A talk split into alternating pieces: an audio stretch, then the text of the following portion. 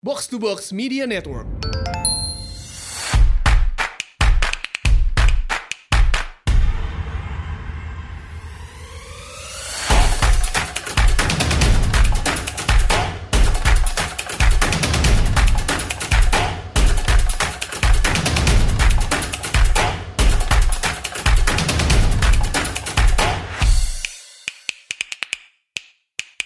Selamat datang di Asumsi Bersuara. Sebelum kita mulai nih, gue mau cerita satu hal. Jadi kemarin tuh temen gue kayak ngobrol berdua gitu sama temennya. Terus mereka ngerasa abis ngobrol berdua gitu, ah, apa kita bikin podcast aja ya? Terus kayak ya udah dia nanya gue gitu kan gimana sih caranya bikin podcast gitu lo kalau bikin podcast gimana gue bilang gue juga nggak tahu gimana sebenarnya bikinnya karena kita pakai anchor nah jadi anchor itu uh, platform podcast punyanya Spotify di mana lu bisa uh, taruh podcast lu di situ bisa ngerekam uh, di situ lu bisa upload rekaman lu di situ lu bisa segalanya udah di situ. Lalu total podcast lu muncul aja di Spotify semua ada gitu. Dan kalau lu mau tahu semua podcasternya box to box uh, media network itu semua pakai anchor. Kagak ada yang tahu gimana cara bikin podcast. Semua pakai Anchor. Jadi kalau lu mau juga mau bikin podcast, tinggal download aja Anchor di Google Play atau di uh, Apple Play Apple App Store ya. Atau langsung aja ke www.anchor.fm. Itu www.anchor.fm ya. Jadi sekali lagi langsung download Anchor di uh, Google Play atau di App Store atau ke www.anchor.fm langsung aja di situ semua yang lu butuhkan buat bisa podcast lu muncul di semua pemain podcast yang ada di dunia ini udah langsung dari situ aja lu nggak perlu pusing-pusing lagi sekali lagi ya anchor.fm dan kali ini kita kedatangan untuk ketiga kalinya Edward Gani uh, Gan welcome to the podcast for the third time nih Thank you. Semoga nggak yeah. bosen ya. Nggak, nggak ada yang bosan. Atau udah muak sebenarnya. Oh, tidak, tidak, tidak, tidak. Ini uh, dengan banyak permintaan orang sebenarnya. Oh, iya. ya, jadi makanya kita harus undang lagi. Edward Gani ini adalah uh, political economist uh, favorit kita. Mm. Uh, dan dia ini adalah juga peneliti di CSIS ya, Pak ya? Iya, iya. Peneliti di CSIS. Nah, mm. kita mau ngapain hari ini agak beda dari sebelumnya. Biasa kan kalau sebelumnya kita ada satu isu yang lagi rame di belakangan ini gitu kan. Mm. Mm terus kita bahas gitu. Hmm. Um, tapi kali ini kita agak beda karena ini udah di penghujung tahun, ini hmm. udah ham, udah di minggu kedua Desember. Yep. Kita mau bikin kayak kaleidoskop gitu kan. Asik. Kita mau mereview apa aja yang terjadi sepanjang tahun ini. Gitu. Tahun ini ternyata banyak banget gitu kan. hmm. kan setelah gue melihat-lihat lagi gitu. Sampai tiga kali gue ke sini. Sampai tiga kali banyak banget uh, hal menarik uh, yang bisa kita bahas nih sepanjang tahun. Okay. Um, bisa dimulai dari uh, awal-awal tahun tuh sebenarnya empat bulan pertama isu politik yang ada semua revolve around pemilu sih. Hmm. Hmm. Nah, gue pengen dengar, uh, gue pengen dengar dari lo nih kan pemilu ini sebenarnya rame banget uh, polarisasi masyarakat segala macam. Hmm. Tapi dari pemilu 2019 ini, mungkin dari pileg dulu deh. Hmm. Uh, yang menurut lo paling menarik apa? Dari pileg. Dari pileg, dari dinamika di pileg. Nah, ada macam-macam kan. Hmm. Uh. Pertama gini, uh, kalau kita bandingin sama 2014, hmm. yeah. yang jelas sebenarnya ada yang nggak kita sadari itu peta politik berubah. Hmm. Yang paling mencolok itu tentu pasti Golkar ya. Ketika yeah. 2014 dia nggak masuk koalisi dan sekarang 2019 itu kemarin gitu uh, dia masuk gitu loh. Terus juga uh, banyak orang lupa sebenarnya kemarin itu adalah keterpilihan pertama kali seorang dengan latar belakang sipil di pemilu secara langsung presiden kita. Jokowi itu presiden pertama dengan latar belakang sipil yang terpilih kembali ya dalam PKA presiden langsung di Indonesia. Itu tertutup kenapa? Karena tadi lu bilang ada dengan polarisasi dan segala macamnya, hmm. ya kan? Padahal uh, itu menjadi momen yang sebenarnya bersejarah kalau kita konteksnya secara pemilu Indonesia gitu. Karena dulu kita pengen supremasi sipil. Dan akhirnya kita dapat itu seorang presiden dengan latar belakang sipil terpilih bahkan dua kali.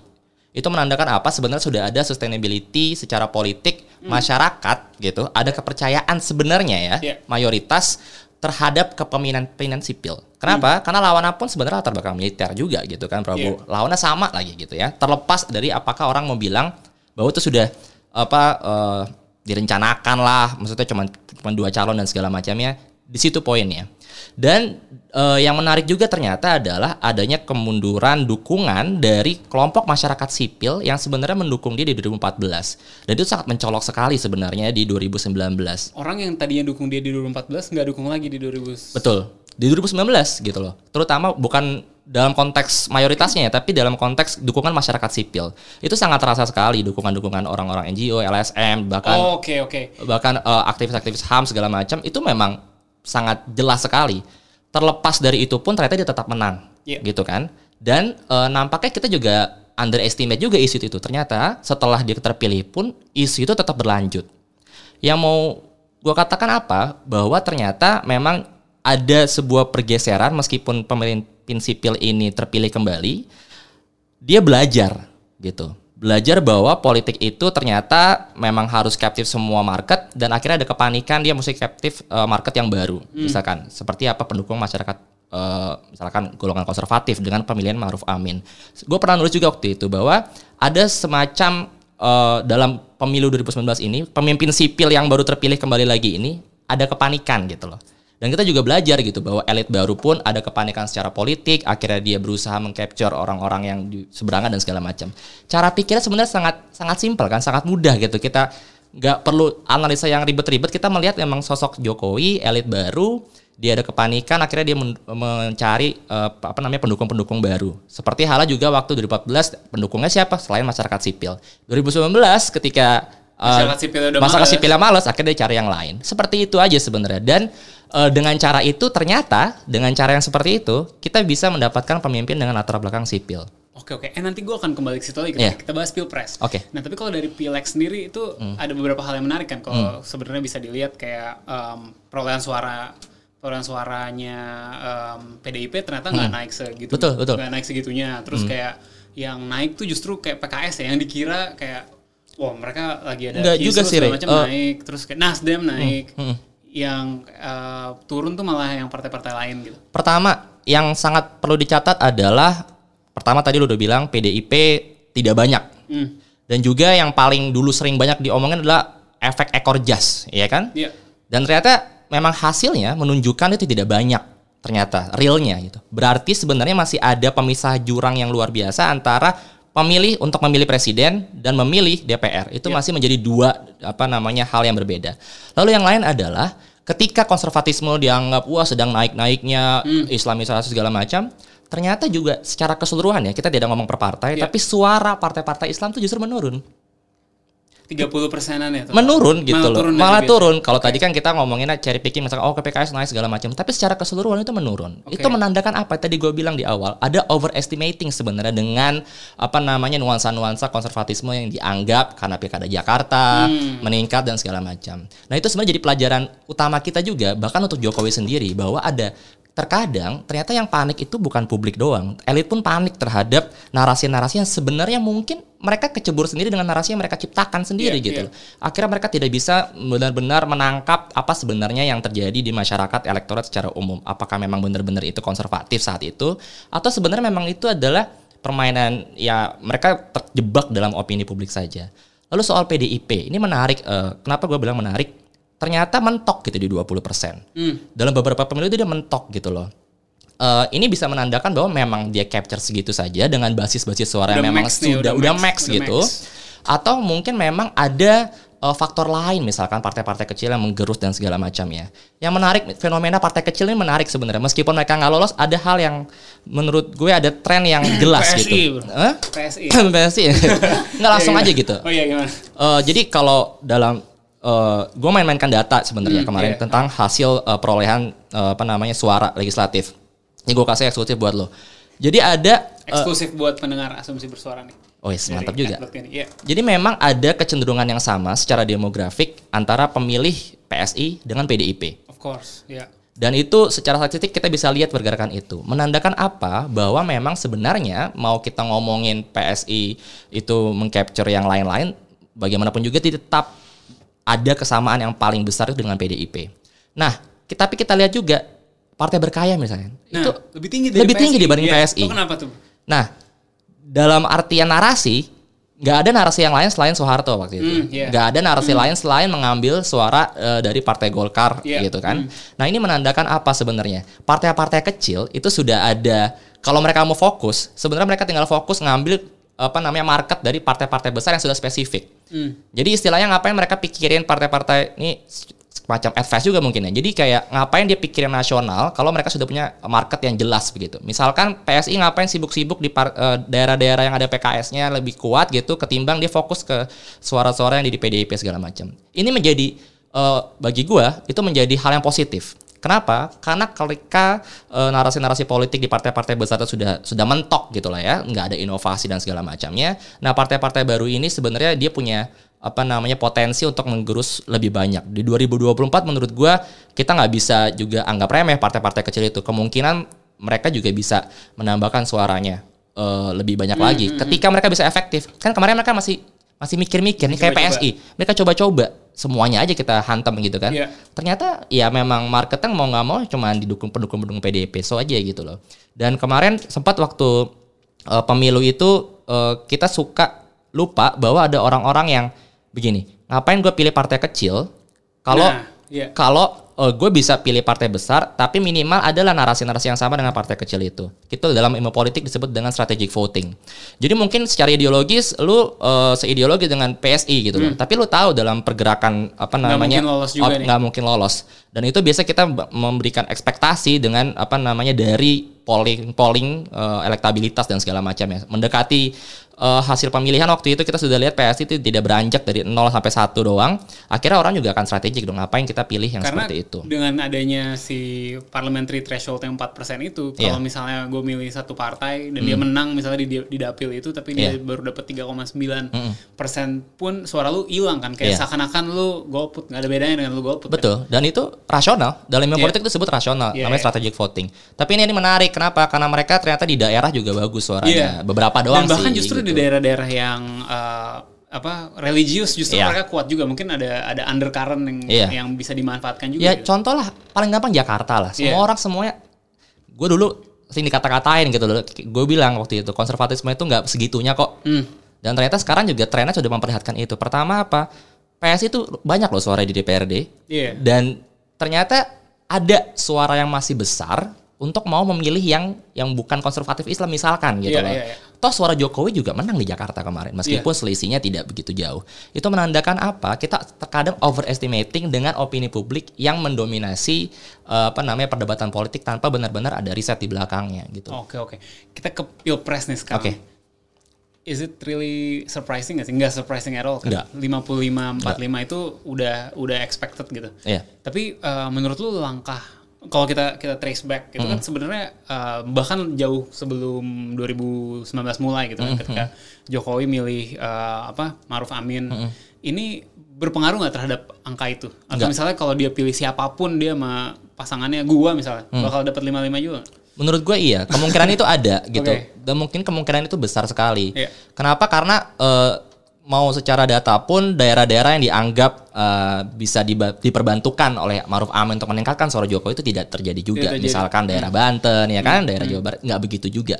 Menandakan apa? Jadi memang sebenarnya tadi ada kepanikan aja waktu itu tidak bisa mendapatkan suara yang mungkin dianggap akan lari segala macam, tapi nggak juga. effect pilkada DKI juga Iya, dan kalau mau dilihat juga ada beberapa penelitian juga dan gue juga mainkan dalam penelitian gue bahwa eh, Jokowi itu sangat kuat menang di daerah-daerah yang dulunya dia juga menang gitu loh. Oke. Jadi memang eh, tidak banyak perubahan, hanya saja density orang memilih lebih banyak aja sekarang juga akhirnya selisihnya naik gitu loh. Mungkin gak sih itu lebih kayak defensif aja, jangan sampai gue bisa diserang dengan isu-isu agama misalnya. Iya, jelas. Lebih jelas. lebih karena itu doang. Tapi kan jadi begini, Rey. Maksudnya Iya. gini, eh, terlepas kita suka nggak suka dengan Maruf Amin misalkan sebagai sosok wakil presiden gitu loh. Tapi kan sebenarnya ketika dia berusaha mengeluarkan diri dari cengkraman isu-isu itu, mungkin sebenarnya ada banyak inovasi lain yang dia bisa pilih gitu. Dia punya kebebasan untuk memilih.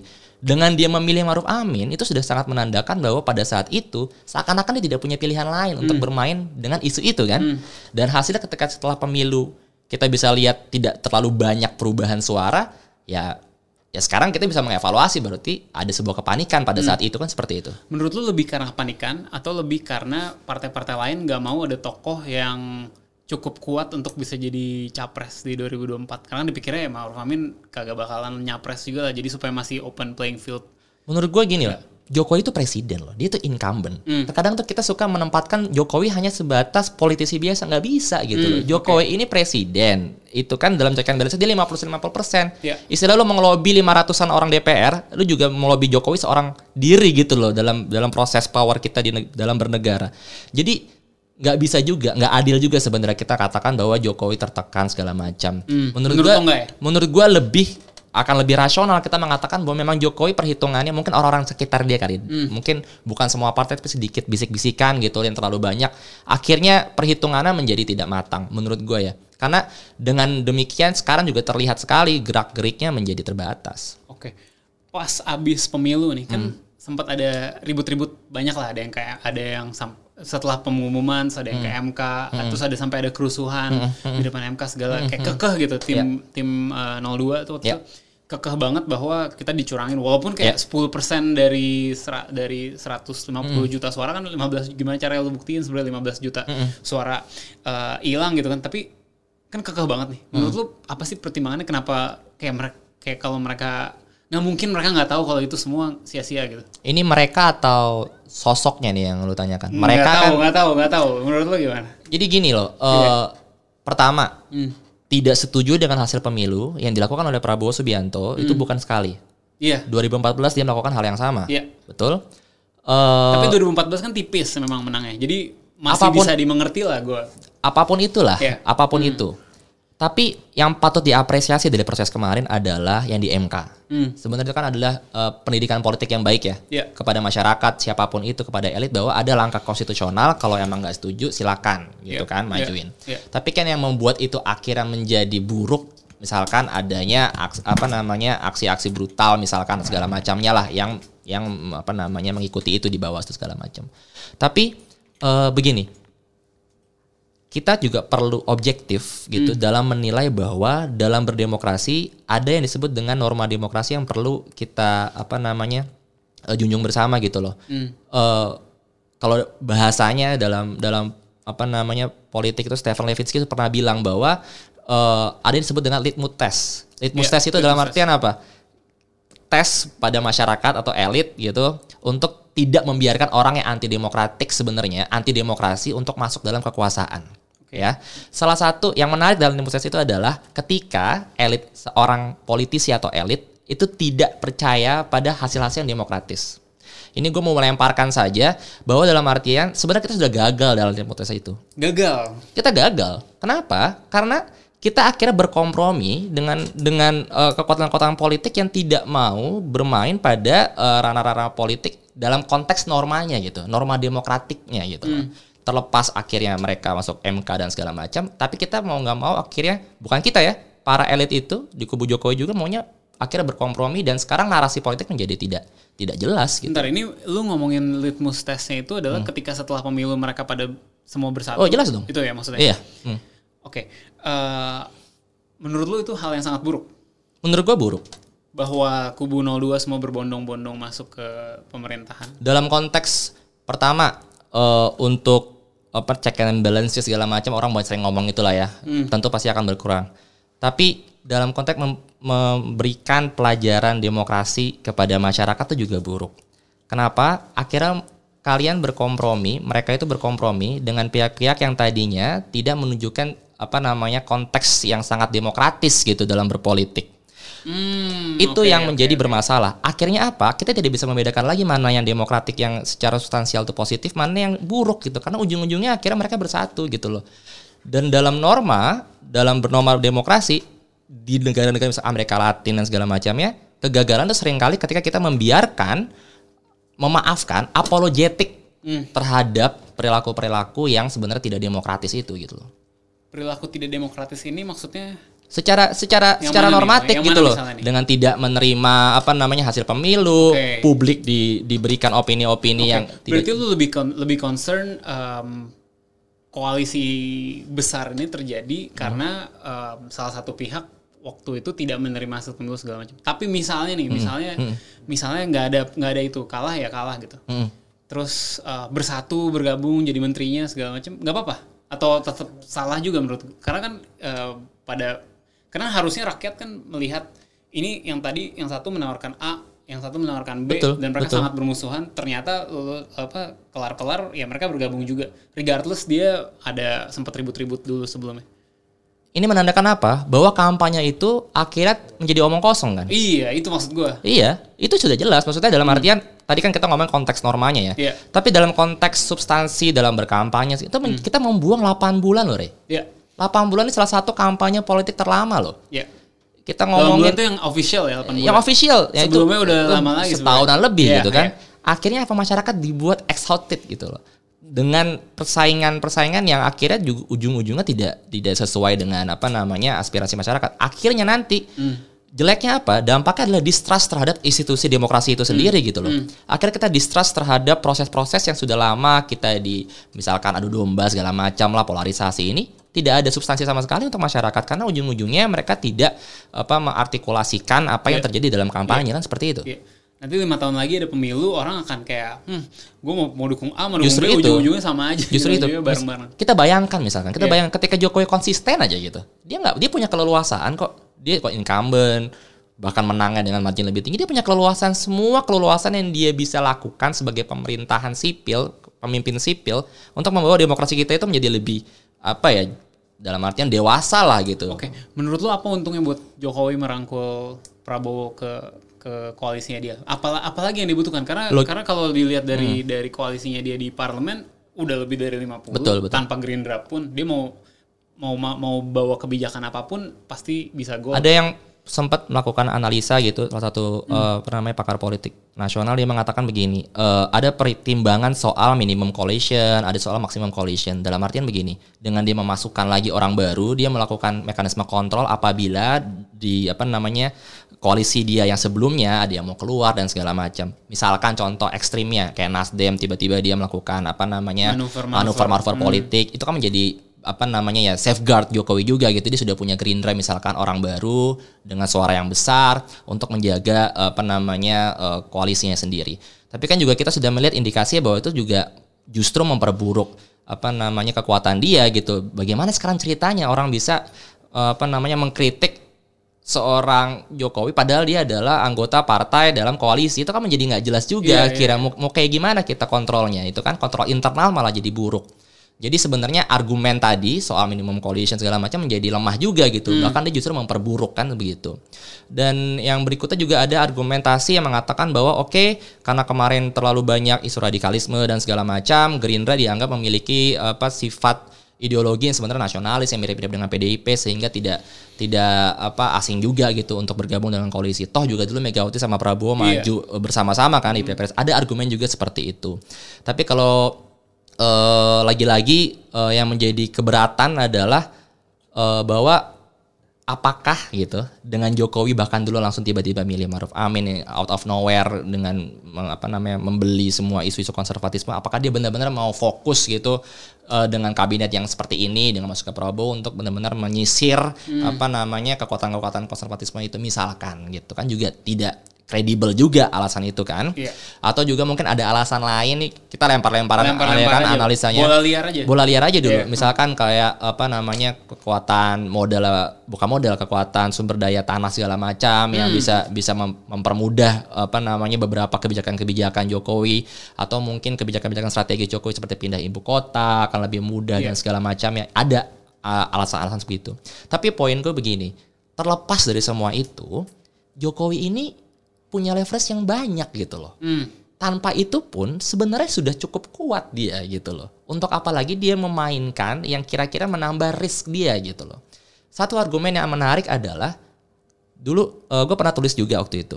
Ada dua kemungkinan sebenarnya. Gue tulis sebelum dia masukin eh, kabinet setelah pemilu. Gue bilang begini, ada dua. Yang pertama, ada eh, kemungkinan bahwa Jokowi itu akan lebih lepas gitu. Karena dia menang dengan margin segala macam dia bisa lebih progresif seperti layaknya teori-teori politik menyatakan tapi yang kedua adalah dia bisa menjadi kingmaker baru.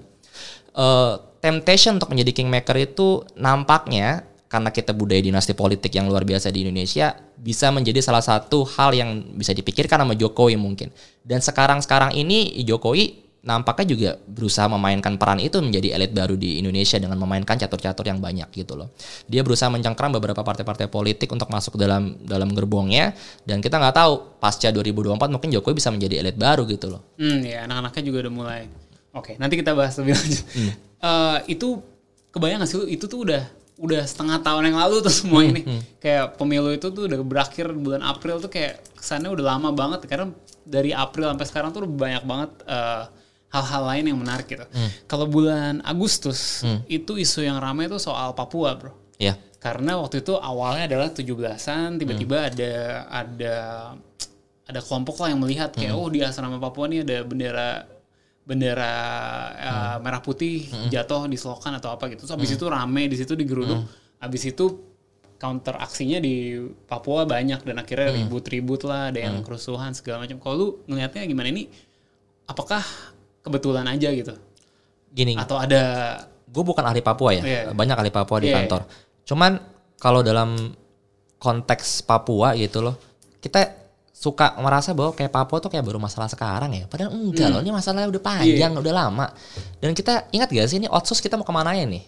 Bentar lagi sudah mau selesai nih otsus. Pasti ntar kan juga ada timbal balik segala macam, ada evaluasi. Yeah atau bahkan mau nggak kita evaluasi misalkan otsus itu seperti apa jalannya selama hmm. ini gitu kan kayak misalkan apa namanya juga soal ham gitu itu kita udah nggak bisa nggak ngomong Papua kalau kita nggak ngomongin ham gitu loh cuman yeah. kan sekarang perspektif negara itu kan selalu perspektif keamanan ya akhirnya menjadi tidak ada lagi dialog-dialog ruang-ruang yang lebih terbuka apabila kita mau ngomong Papua hmm. gitu loh jadi gue nggak mau berusaha masuk lebih dalam lagi cuman kayaknya perspektif itu yang pemerintah pun negara pun nggak berusaha keluar ya dari zona keamanan itu. Kesannya gitu. kayak cuman ya saat itu aja ada ada masalah apa kita hmm. rame-rame sekarang terus sudah hilang ya, lagi. Pademin lagi, pademin, pademin lagi, nggak begitu. Nggak nggak bisa habis. Hmm. Oke, lanjut September. Nah September hmm. ini mulai seru nih. Hmm. Uh, ini ramainya reformasi di korupsi.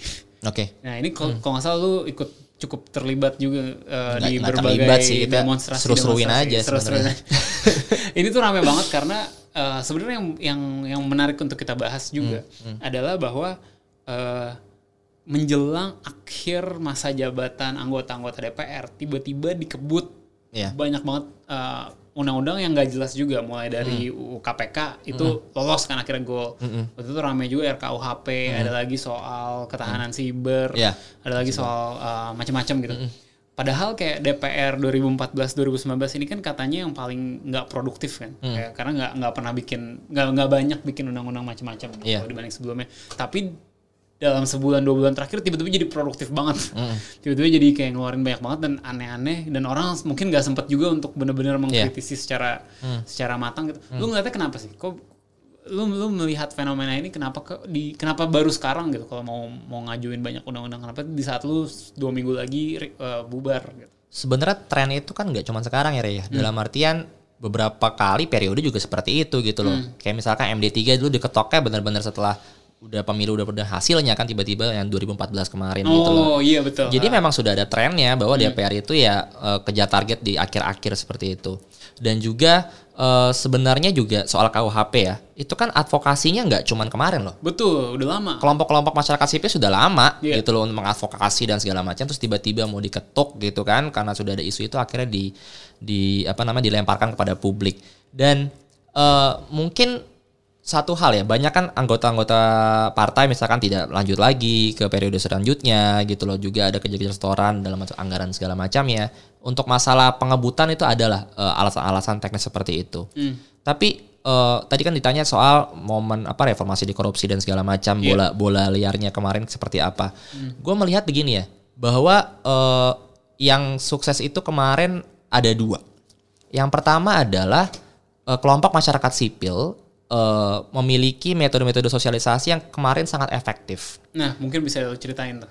Jadi misalkan beberapa argumentasi-argumentasi yang menganggap bahwa KUHP itu misalkan uh, bias gender dan segala macam, tidak mendukung korban uh, pelecehan seksual dan segala macam, itu kan sudah lama sebenarnya kalau kita ikuti sudah banyak.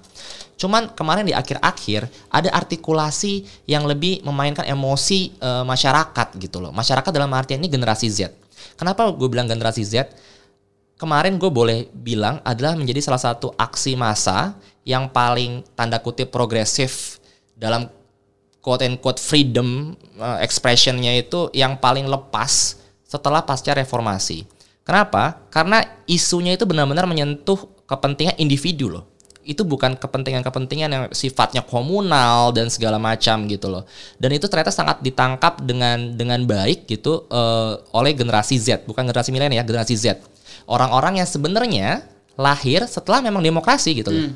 Jadi istilahnya bukan kita memperjuangkan kebebasan, tapi ini kebebasan gue mau direnggut gitu loh. Hmm. Anggaplah anak kecil mereka main boneka, boneka mau direnggut gitu loh. Itu ada nuansa seperti itu. Hmm. Dan kemarin memang mau nggak mau kita perlu bilang KUHP itu dibanding yang lain itu benar-benar menjadi narasi yang luar biasa membawa masifnya sekali uh, mahasiswa karena gue lihat sendiri begitu bagaimana banyaknya uh, kita bisa bandingkan misalkan dengan aksi yang terkotak-kotak oke okay, orang yang mau anti korupsi kemarin demo di KPK saja lalu kemarin tercerai berai lah LSM sendiri, mahasiswa sendiri. Dan kemarin nampaknya ada persinggungan yang jelas karena KUHP. Hmm. KUHP menjadi isu utama saat itu. Ketika gue wawancara di lapangan, mahasiswa-mahasiswa, orang-orang, gue tanya, udah pernah aksi belum sebelumnya? Nggak pernah gitu loh. Hmm, ini pertama first kali. Timers juga. Ya? First timers gitu yeah. loh. Terus kenapa mau mau ikutan saat ini? Ya uh, saat ini soalnya lagi banyak gitu. Tiba-tiba muncul KPK, revisi, muncul KUHP, muncul yang lain gitu undang-undang apa RUU PKS tidak disahkan dan segala macam lagi fokus karena juga momen pemilu. Hmm. Jadi menurut gue memang momen pemilu membuat orang-orang generasi ini memang lagi mikirin soal politik lagi banyak. Terus muncul apa namanya narasi-narasi tadi yang tadinya LSM LSM doang, mereka mereka sibuk-sibuk sendiri soal advokasi-advokasi mengenai otonomi tubuh dan segala macam, dilemparkan ke masyarakat generasi muda itu yang lagi ngomongin politik semuanya dan akhirnya itu bisa memancing apa namanya gerakan yang begitu masif saat hmm, itu. Hmm. Uh, eh, gue bisa bilang bahwa itu adalah salah satu aksi yang secara individualistis itu mereka datang sendiri. Narasi-narasi kita bisa lihat lah di sosmed dan nggak cuma di sosmed sebenarnya di lapangan pun sangat terasa sih. Hmm. Uh, yang diperjuangkan itu adalah hak-hak otonomi tubuh, perempuan-perempuan, uh, laki-laki dan segala macam. Narasi-narasi yang simple kayak nggak boleh pulang malam dan segala macam itu sangat mengena gitu loh ke anak-anak generasi Z gitu loh dan karakter mereka tuh sangat beda sebenarnya hmm. dengan dengan generasi generasi atasnya gitu itu menjadi menarik nanti ke depannya apakah memang generasi ini sebenarnya punya pola pikir politik yang lain gitu loh hmm. dulu aku pernah bilang begini uh, kemarin tuh ada kepanikan sebenarnya kenapa karena kita tidak merasa bukan kita negara tidak merasa mungkin bahwa pemikiran progresif ini yang mungkin agak uh, pemikirannya sangat resuka gitu tentang kebebasan segala macam ternyata sudah mendarah daging gitu istilahnya dalam generasi Z gitu loh. Orang-orang lagi-lagi yang hidupnya itu sudah di demokrasi gitu loh. Ya, bukannya sebelum mereka tidak pernah ngerasain orde baru gitu loh. Mereka ngerasainnya adalah Indonesia dalam masa reformasi gitu loh. Ini jadi menarik juga dengan dengan obrolan tadi yang di awal soal hmm. rising conservatism yeah. yang gak terbukti yeah. itu kan bahwa ternyata nih anak-anak uh, ya Betul. gak konservatif. Gak konservatif. Yeah.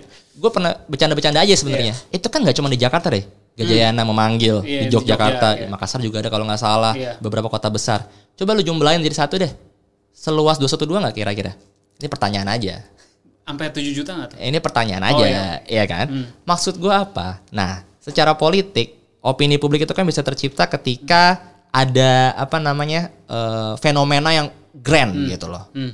Aksi massa mau nggak mau tetap efektif untuk menunjukkan kekuatan. Yeah generasi muda kemarin generasi Z atau milenial kita kita juga menunjukkan itu di jalanan akhirnya orang oh ternyata ada ya hmm.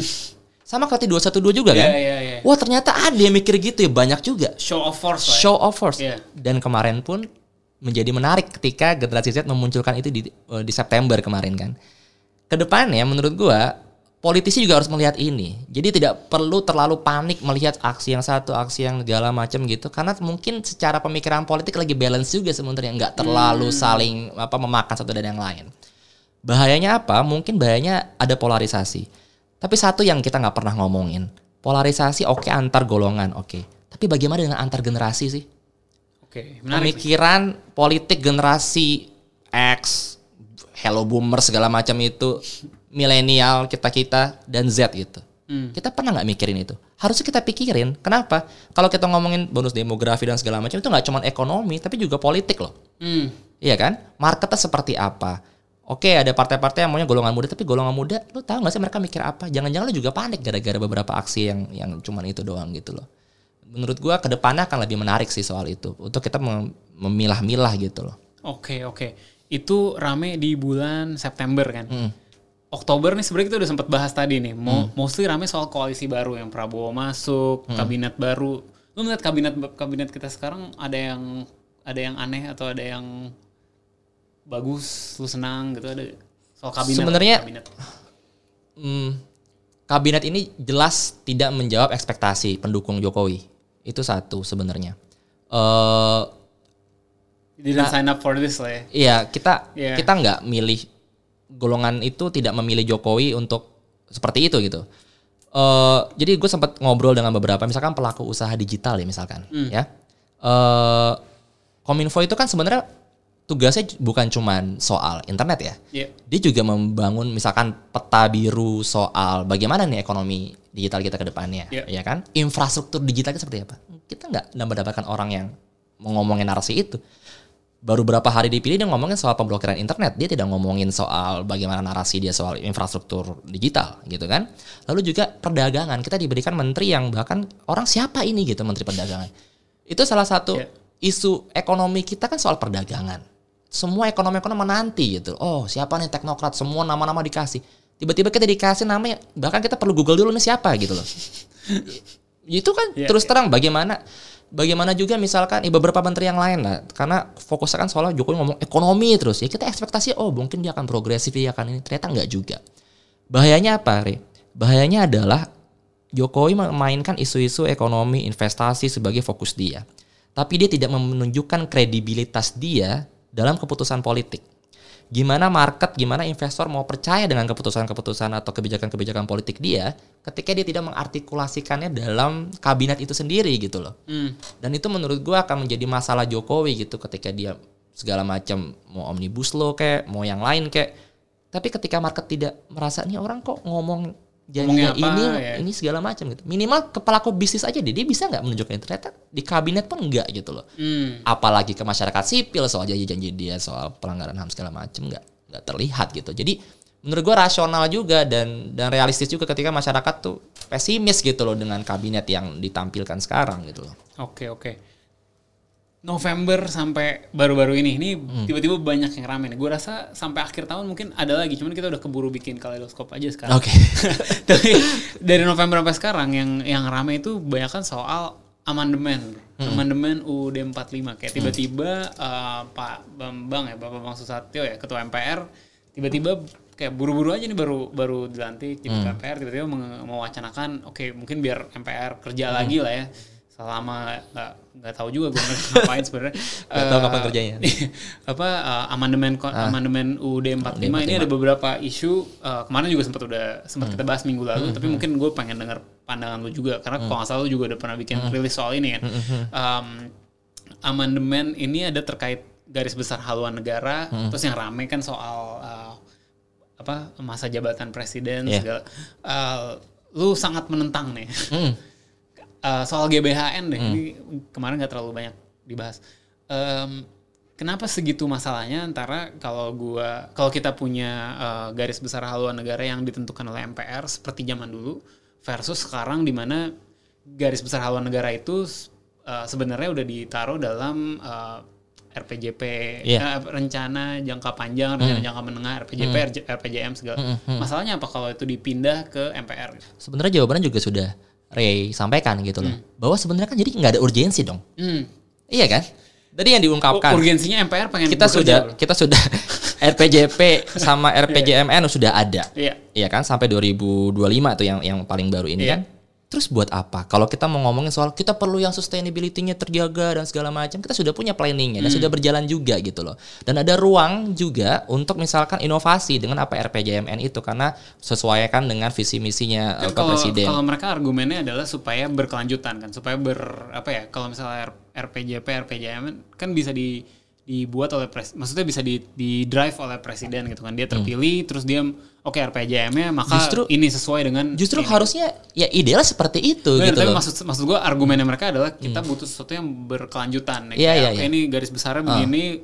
Ya Menurut- presiden lu punya visi misi tapi lu jangan keluar dari rel Iya. ini lah gitu. Argumennya gitu. Menurut gue begini loh, jadi itu argumen yang diciptakan karena semata-mata tujuannya bukan GBHN ya sebenarnya. Tujuannya adalah menciptakan, eh, mengembalikan MPR sebagai institusi tertinggi negara gitu loh. Oh, GBHN ini cuma GBHN itu alat. Alat. Caranya gimana untuk menjadikan MPR itu salah satu apa bukan salah satu, menjadi institusi tertinggi gitu dengan cara apa? Masukin GBHN gitu loh. Hmm. Karena apa? Kalau berdasarkan GBHN, akhirnya presiden harus mengikuti apa GBHN. Akhirnya dia mempertanggungjawabkan legitimasi ya terhadap MPR gitu loh. Itu Oke. menjadi nggak make sense. Kenapa? Karena kan presiden dipilih langsung gitu. Karena kita dipilih langsung presidennya, akhirnya dia bertanggung jawab pada rakyat. Artinya program-program yang dia bawa harus menjawab kepentingan apa masyarakat gitu loh dalam artian kontestasi pemilu yang dilalui. Iya. Kalau dia ujung-ujungnya juga harus apa meng- apa mengikuti GBHN yang dibikin oleh MPR, akhirnya legitimasi presidensial sebenarnya kita menjadi kacau balau gitu loh. Hmm. Ada sebenarnya kita gue juga sering ngomong gitu. Kalau mau kayak gitu kita bukan presidensialisme pakainya. Pakainya apa? Parlementer. Parlementer. Itu parlementer, sistem parlementer bukan presidensialisme. Iya, iya, Nggak konsisten dong. Istilahnya begini kasarnya. Ini partai maunya ngontrol presiden, pakai GBHN, tapi mereka nggak mau dikontrol. Kenapa? Pakai pemilihan langsung presiden kan? Hmm. Jadi dia nggak mau dievaluasi dengan pemilu tuh. Yang mau dievaluasi kan presiden. Jadi presiden jadi dua arah tuh. Entar dievaluasi sama masyarakat, sama dievaluasi sama apa? GBHN. GBHN, MPR. MPR Iya. pakai GBHN.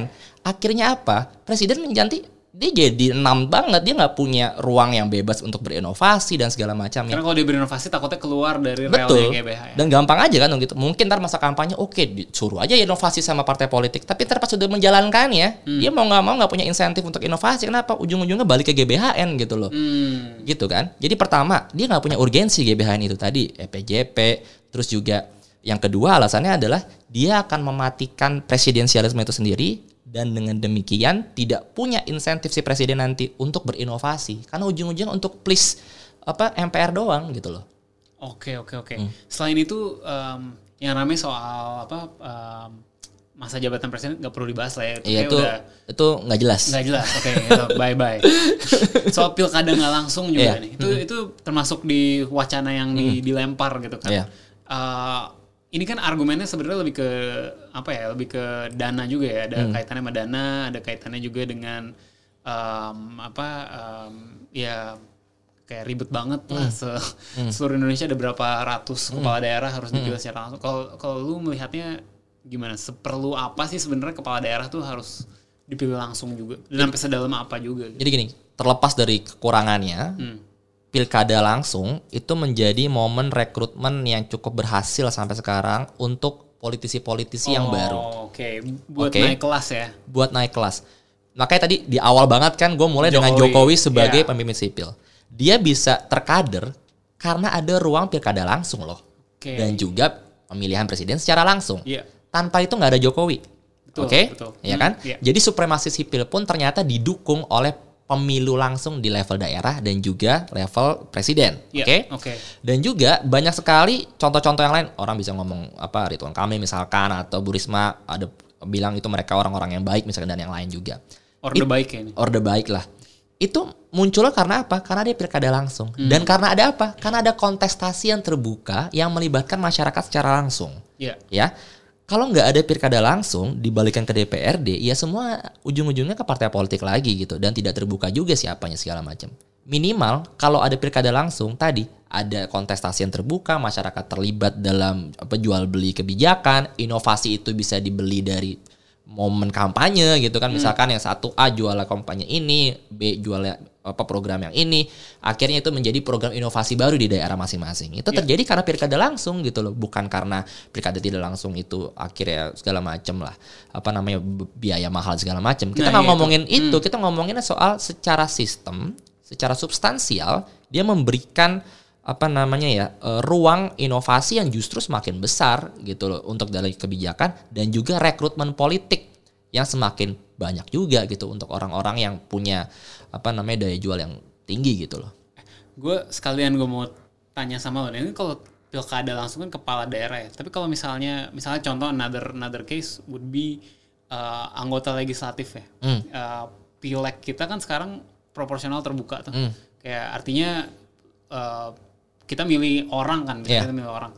It, eh, kalau menurut lu itu penting juga nggak untuk kaderisasi atau sebaiknya ya udah balik aja zaman dulu tertutup. Jadi kalau kita memang sedang berusaha mengevaluasi sistem itu ya, sistem elektoral kita itu sebenarnya itu yang justru penting untuk kita evaluasi. gimana? Ya.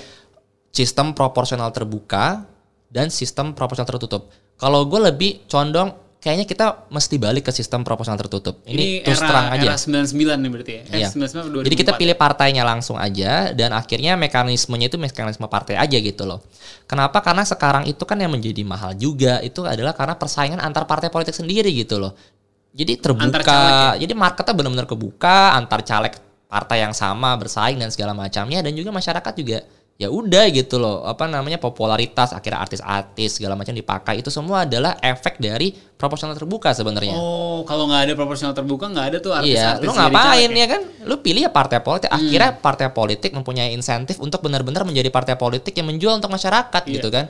Ketimbang sekarang akhirnya persen tuh persen aja gitu. Karena toh sekarang dengan lu pilih orang secara langsung juga bisa di PAW juga apa di iya, PAW juga akhirnya justru itu. Mulan Jamila gitu kan masuk gitu. itu kan maksud gue sama aja bohong kenapa nggak gue pilih partainya aja gitu. Betul. Dan itu itu bisa ngaruh ke ke ke apa anggarannya jauh banget juga gitu. Nah gitu loh, yang hal-hal ini justru kan Nggak nggak dibahas malah. Nggak dibahas gitu. Nih Ini gue yang gue yang melempar bola ini sampai terjadi. ini lebih kita- substansial nih gitu Iya, loh. Dan juga misalkan kita mau revisi undang-undang partai politik gak sekarang ngomongin soal kaderisasi yang kita nggak pernah ngomongin gitu loh selama ini. Kenapa tuh perlu? Uh, undang-undang partai politik tuh ap- apa? Gue masih belum belum ini. Kaderisasi partai politik sekarang Iya. sampai sekarang nggak pernah terbuka. Oke. ya gimana kita bisa memastikan salah satu kader misalkan maju di legislatif atau maju di mana pun dia mengikuti proses kaderisasi partai politik justru kalau kita nih maunya menguatkan partai politik tapi menguatkan dalam konteks substansinya gitu loh Hmm.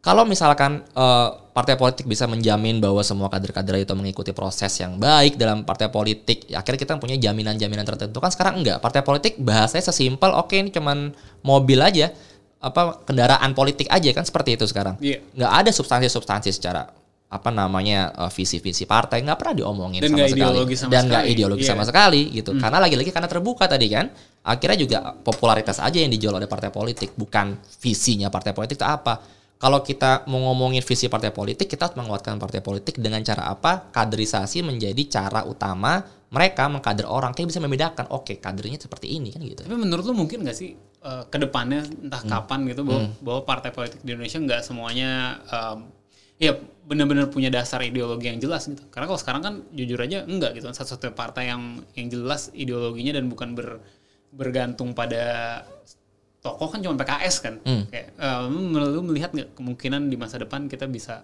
kayak gitu juga kayak kayak di Ang- kayak di Amerika, kayak di menurut Inggris. gua kalau sistemnya masih seperti ini akan sulit sistem seperti ini tuh apa maksudnya? ya sistem elektoral seperti ini gitu sistem kepartaian seperti ini itu akan sulit Eh, kita nggak punya sebenarnya sampai sekarang mekanisme punishment yang lebih kepada partai politik Oke. oke sebenarnya ada ide yang agak liar tapi Silakan sangat, bro. sangat ini substansial gitu kita dari tadi banyak ide liar. Eh, partai politik dievaluasi selalu lima tahun kan Iya. pemilu lima tahun lima tahun kalau di luar negeri ada namanya pemilu selah Iya. ya pemilu selah adalah dalam artian apa sebenarnya keuntungannya kita sudah ada pemilu dia baru dua tahun kerja misalkan langsung dievaluasi akhirnya ada momen yang sangat dekat gitu loh antara masyarakat gitu dengan narasi-narasi politik yang dijual dengan implementasinya. Hmm. dan juga persaingan presiden dan legislatifnya misalkan apa koalisi-koalisi pun juga akan lebih apa namanya ya lebih disiplin apabila jarak antara evaluasi dan juga terpilihnya Midterm, mereka tuh iya. itu lebih dekat gitu Iya, loh. iya, ketimbang sekarang lima tahun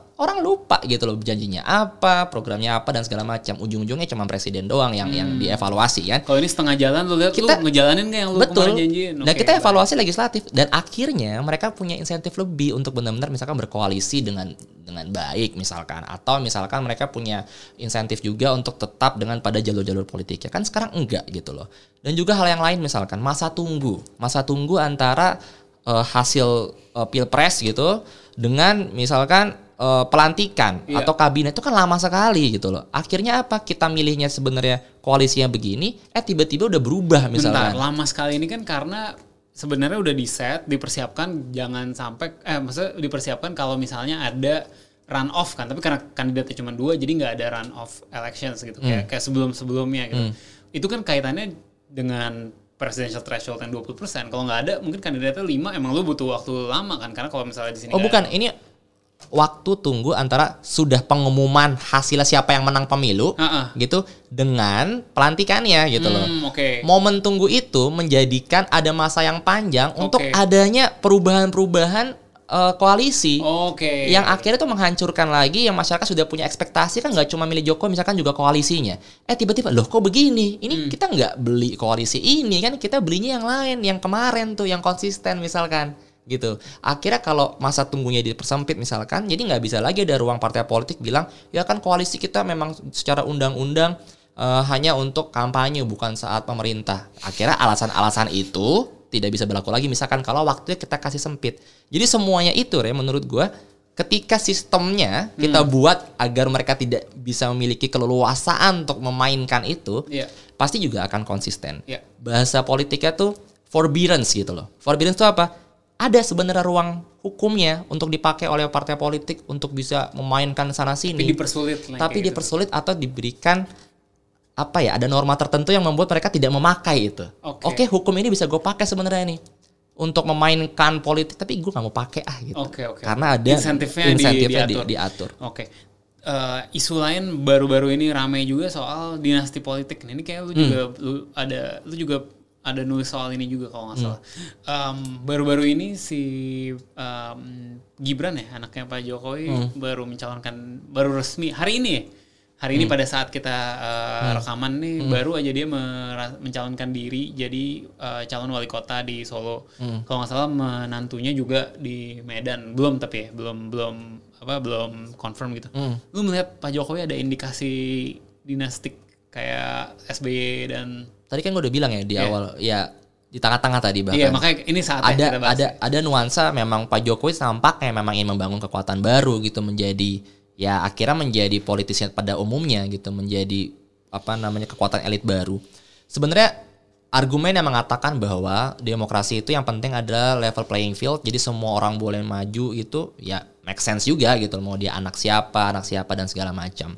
Tapi yang menjadi apa namanya ya penting adalah tadi norma demokrasi itu seperti apa yang mau kita jalankan gitu loh. Iya. Mau kita suka nggak suka dinasti politik itu ada.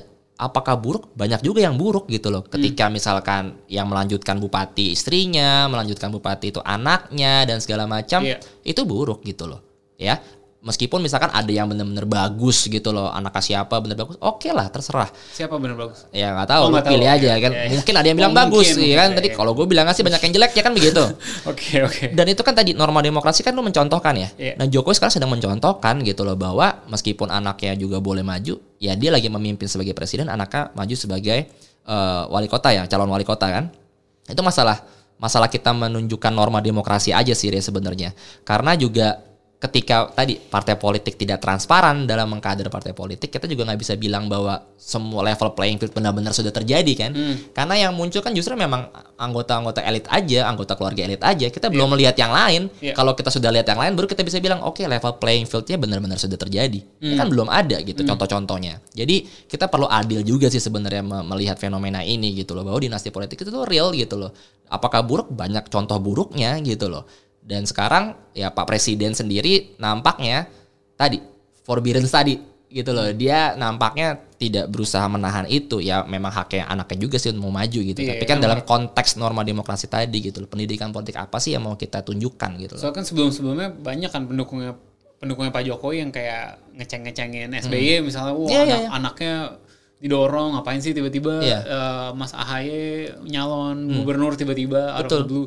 Terus sekarang Iya. Pak Jokowi sendiri yang Iya. anaknya kayak gitu kan kesannya kayak Bahayanya oh, kan tadi Re, distrust kan. hmm, Akhirnya ketika setahun ini terlalu banyak inkonsistensi dalam narasi-narasi politik, Hmm. akhirnya orang nanti akan distrust gitu loh. Padahal ini pemimpin sipil gitu loh. Orang yang kita cita-citakan misalkan by system kita buat akses orang seperti Jokowi yang jadi presiden.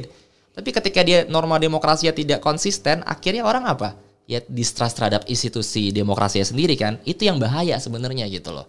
Ketika kita mengharapkan seorang pemimpin sipil bisa punya narasi sipil, ternyata nggak muncul, ya kan? Akhirnya orang distrust terhadap demokrasinya. Itu yang perlu kita khawatirkan sebenarnya. Oke, Eh, ini kan udah Desember ya. Hmm. Ada beberapa pertanyaan netizen nih Oke. yang mungkin kita bisa bisa bahas dikit. Hmm. Sebentar. Oke, dari at Esidentias. Hmm. Isu radikalisme ini kan tahun ini banyak banget nih di, Hmm. di diramaikan apalagi apalagi setelah setelah terpilih eh, apa setelah pelantikan malah Iya. kan banyak kan kuat terpapar segala macam kita pernah bahas juga. Hmm. Kalau menurut lu deh, menurut lu seberapa berbahaya sih eh, sampai pemerintah di banyak jajaran kabinetnya ngurusin ini ada ada nggak sih bukti nyata soal radikalisme ini membuatnya lebih berbahaya dari korupsi, kemiskinan, rendahnya pendidikan dan masalah-masalah lain resesi mungkin Oke. atau apa gitu. Mungkin gue jawabnya gini kali ya. Kalau polarisasi itu yang berbahaya itu begini. Dalam demokrasi sebenarnya kita harus menunjukkan bahwa lawan kita itu bukan musuh tapi dia adversary gitu. Dia sama-sama punya tujuan yang baik. Kayak begitulah idealnya. Yang jelek dari polarisasi kan adalah menunjukkan bahwa lawan kita itu adalah musuh kan. Jahat. Jahat Iya. gitu kan, evil gitu. Nah, itu polarisasi itu jeleknya di situ. Tapi dalam sejarah politik di dunia, namanya polarisasi itu adalah itu crafted gitu oleh politisi. Kita suka nggak suka seperti itu gitu loh. Dan nampaknya juga di Indonesia seperti itu sebenarnya selalu masalah politik. Kita sudah banyak sekali konflik di daerah juga crafted semuanya eh, dalam politik. Tapi dalam apakah ada eh, apa namanya contoh-contoh radikalisme segala ya memang ada gitu. Tapi yang saya khawatirkan adalah bahwa Jokowi ini dari kabinetnya pun sudah menunjukkan eh, beberapa ulang kali gitu dalam pelantikan-pelantikan kemarin kata-kata radikalisme itu selalu diulang-ulang. Hmm. Kata-kata human rights itu nggak ada.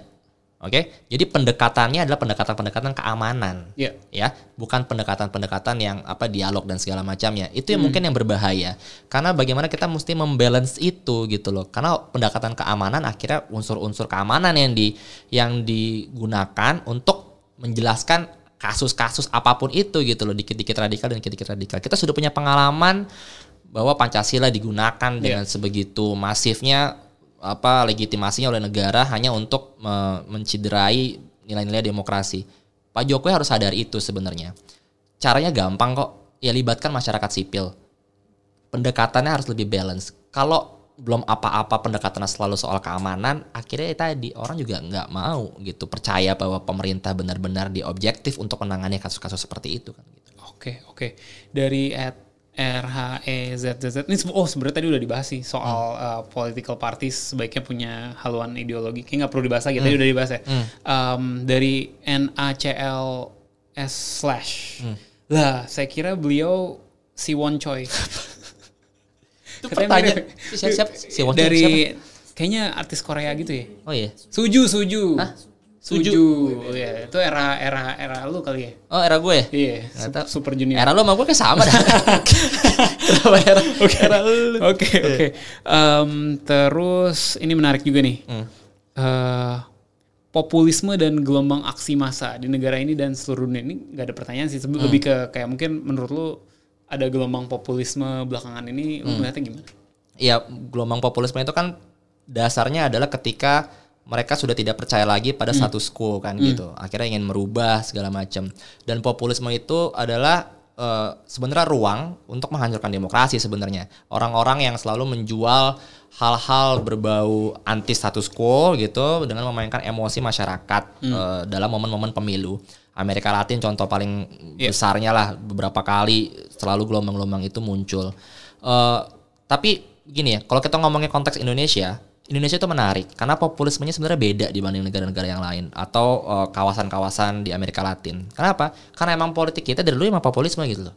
Oke. Ya, karena apa? Tidak basis program, basisnya apa? Ya populisme, selalu Ya, ya, amarah-amarah narasi-narasi yang membosankan dalam kampanye pemilu kan seperti itu. Jadi eh, memang Indonesia sudah dari dulu seperti itu, tapi yang menjadi berbahaya sekarang adalah populisme yang memainkan isu-isu identitas agama. Itu yang menjadi kekhususan di Indonesia kan sebenarnya. Tapi kalau dalam konteks ekonomi politik itu selalu Indonesia beberapa kali pemilu seperti itu. Dan menurut lu isu-isu yang memainkan identitas ini Hmm. eh, ke depannya masih akan laku terus atau atau enggak lu melihatnya? Karena aksi massa generasi Z tadi, Hmm. gue punya sedikit optimisme bahwa ada counterbalance itu. Oke. Ya. Hmm, menarik. Kalau para elit partai politik bahkan Jokowi gitu underestimating mereka nih. Ya golongan-golongan kayak Ray gini nih misalkan. Ya punya narasi sendiri. Ya. menurut gue mereka kan nggak tertinggal sih. Dan itu punya peluang yang sangat besar untuk partai-partai kecil bahkan untuk bisa naik di situ. Hmm. kenapa? Karena mereka sudah menunjukkan bahwa narasi itu ada. Bukan cuma narasi di Twitter loh. Realnya ada gitu loh. Iya. Se- seperti 212 aja. Kita selalu nganggap ah nggak ada nggak ada. Oh ada ternyata. Dan ini kemarin mereka menunjukkan bahwa generasi-generasi progresif itu ada. Progres Real. juga ada, real juga. Real. Bukan di coffee shop Bukan di coffee shop doang Iya. gitu loh. Jadi segala macam argumentasi soal apa milenial, generasi Z, anti politik segala macam itu generasi boomers doang sebenarnya yang punya opini itu. Iya. Bahwa kita bukan berarti kita harus ikut jadi partai politik untuk kita apa peduli pada politik kan kayak lu tiap hari nge-tweet soal politik kan lu care-care aja gitu loh. Meskipun lu nggak ikut aksi pun nggak masalah kan. Tapi maksudnya kita harus lebih adil. Hmm. Partai politik elit mesti lebih adil. Bukan cuma mereka yang ngerti politik. Ya. Anak muda pun ngerti politik. Apalagi yang dengerin asumsi bersuara. Emang ah, iya betul juga kali gitu kan. Dan juga mungkin mereka punya pemikiran yang beda, jauh berbeda gitu. Jadi ayo orang-orang epistemic community, akademisi, orang-orang kayak kalian di media lebih banyak gitu bangun opini untuk yang counterbalance gitu dan menurut gue punya potensi ke depannya karena menurut gue konservatisme yang kemarin itu Jokowi cukup panik dan sekarang setelah pemilu sudah selesai orang akan mengevaluasi oh ternyata kelas menengah kita sudah sampai titik ini oh generasi muda sudah sampai titik ini dan segala macamnya dan peta suara pun akan berubah menurut gue 2024 Oke, kita lihat aja nih. Hmm. Eh, Gan, ini kita udah sejam nih ya. Hmm. Eh, mungkin terakhir dari tahun ini, Hmm. Dari isu-isu politik atau eh, apa pun lah, Hmm. ada lagi yang menurut lo menarik kita belum belum bahas? eh menurut gue sebenarnya udah bahas, tapi kita perlu sama-sama pahami bahwa ada narasi-narasi politik dari elit yang berusaha membawa kita ke square one. Hmm. Itu sudah sangat terasa dengan berbagai macam narasi-narasi politik ya soal GBHN, amandemen, dan Balik ke zaman macam. dulu lah ya. Balik ke zaman dulu. Dan ada nuansa kalau gue bahasa gue adalah naif. Oke. Kenapa naif? Ketika partai politik elit-elit merasa bahwa sekarang oke eh, kepemimpinan supremasi sipil ada, tapi kok mereka nggak dapat banyak. Akhirnya mereka berusaha memainkan sistem agar mereka yang paling berkuasa kembali untuk menjadi penentu dalam kekuasaan di Indonesia. Makanya narasinya selalu soal pilkada tidak langsung, pilpres tidak langsung, dan segala macamnya, ya. Akhirnya kita yang tadi mau progresif melihat bahwa presidensialisme kita ada sustainability kekuasaan yang ternyata sudah baik dari tahun ke tahun kita nggak mau lihat ke sana tapi kita coba balik aja langsung ke, ke belakang gitu dan masyarakat diminta untuk ikutan sama mereka kita nggak punya urgensi apa-apa untuk kembali pada square one Iya. dan menurut gua 2020 dan ke depannya itu akan masif sekali. Soal GBHN menurut gua akan tetap dimainkan sama partai-partai besar karena sudah ternyata menjadi haluan partai gitu. Jadi harus dilakukan sama mereka dan juga narasi-narasi soal eh, pilpres tidak langsung itu pasti akan lebih banyak. Menurut gua masyarakat sipil eh, anak-anak muda perlu juga berpikir ulang gitu loh. Bukan berpikir ulang, ikutan mikirin gitu loh bahwa ada desain demokrasi yang sudah kita nikmati 20 tahun ini mau dirubah Iya. ke square one. Apakah kita mau atau enggak? Kita masih bareng-bareng ngomongin itu ke depannya gitu. Oke. Thank you banget Edward Gani Hmm. atas uh, waktu lu untuk ketiga kalinya datang di Asumsi Bersuara mencerahkan kita. Sama-sama. Hmm. Uh, seru banget sih bahas semua hal yang terjadi di 2009 ini. Moga-moga 2020 nggak segininya banget lah. Atau justru lebih banget lebih Atau justru lagi, harus lebih banyak lagi, semakin berisik sebenarnya membuktikan bahwa demokrasi kerja Oke gitu. oke oke. Semoga makin banyak lah uh, isu-isu menarik di tahun 2020. Siap. Jangan lupa follow Asumsiko, follow Box to Box ID, follow at Edward Gani di Twitter dan Instagramnya. Uh, sampai jumpa lagi hari Selasa depan. Ciao.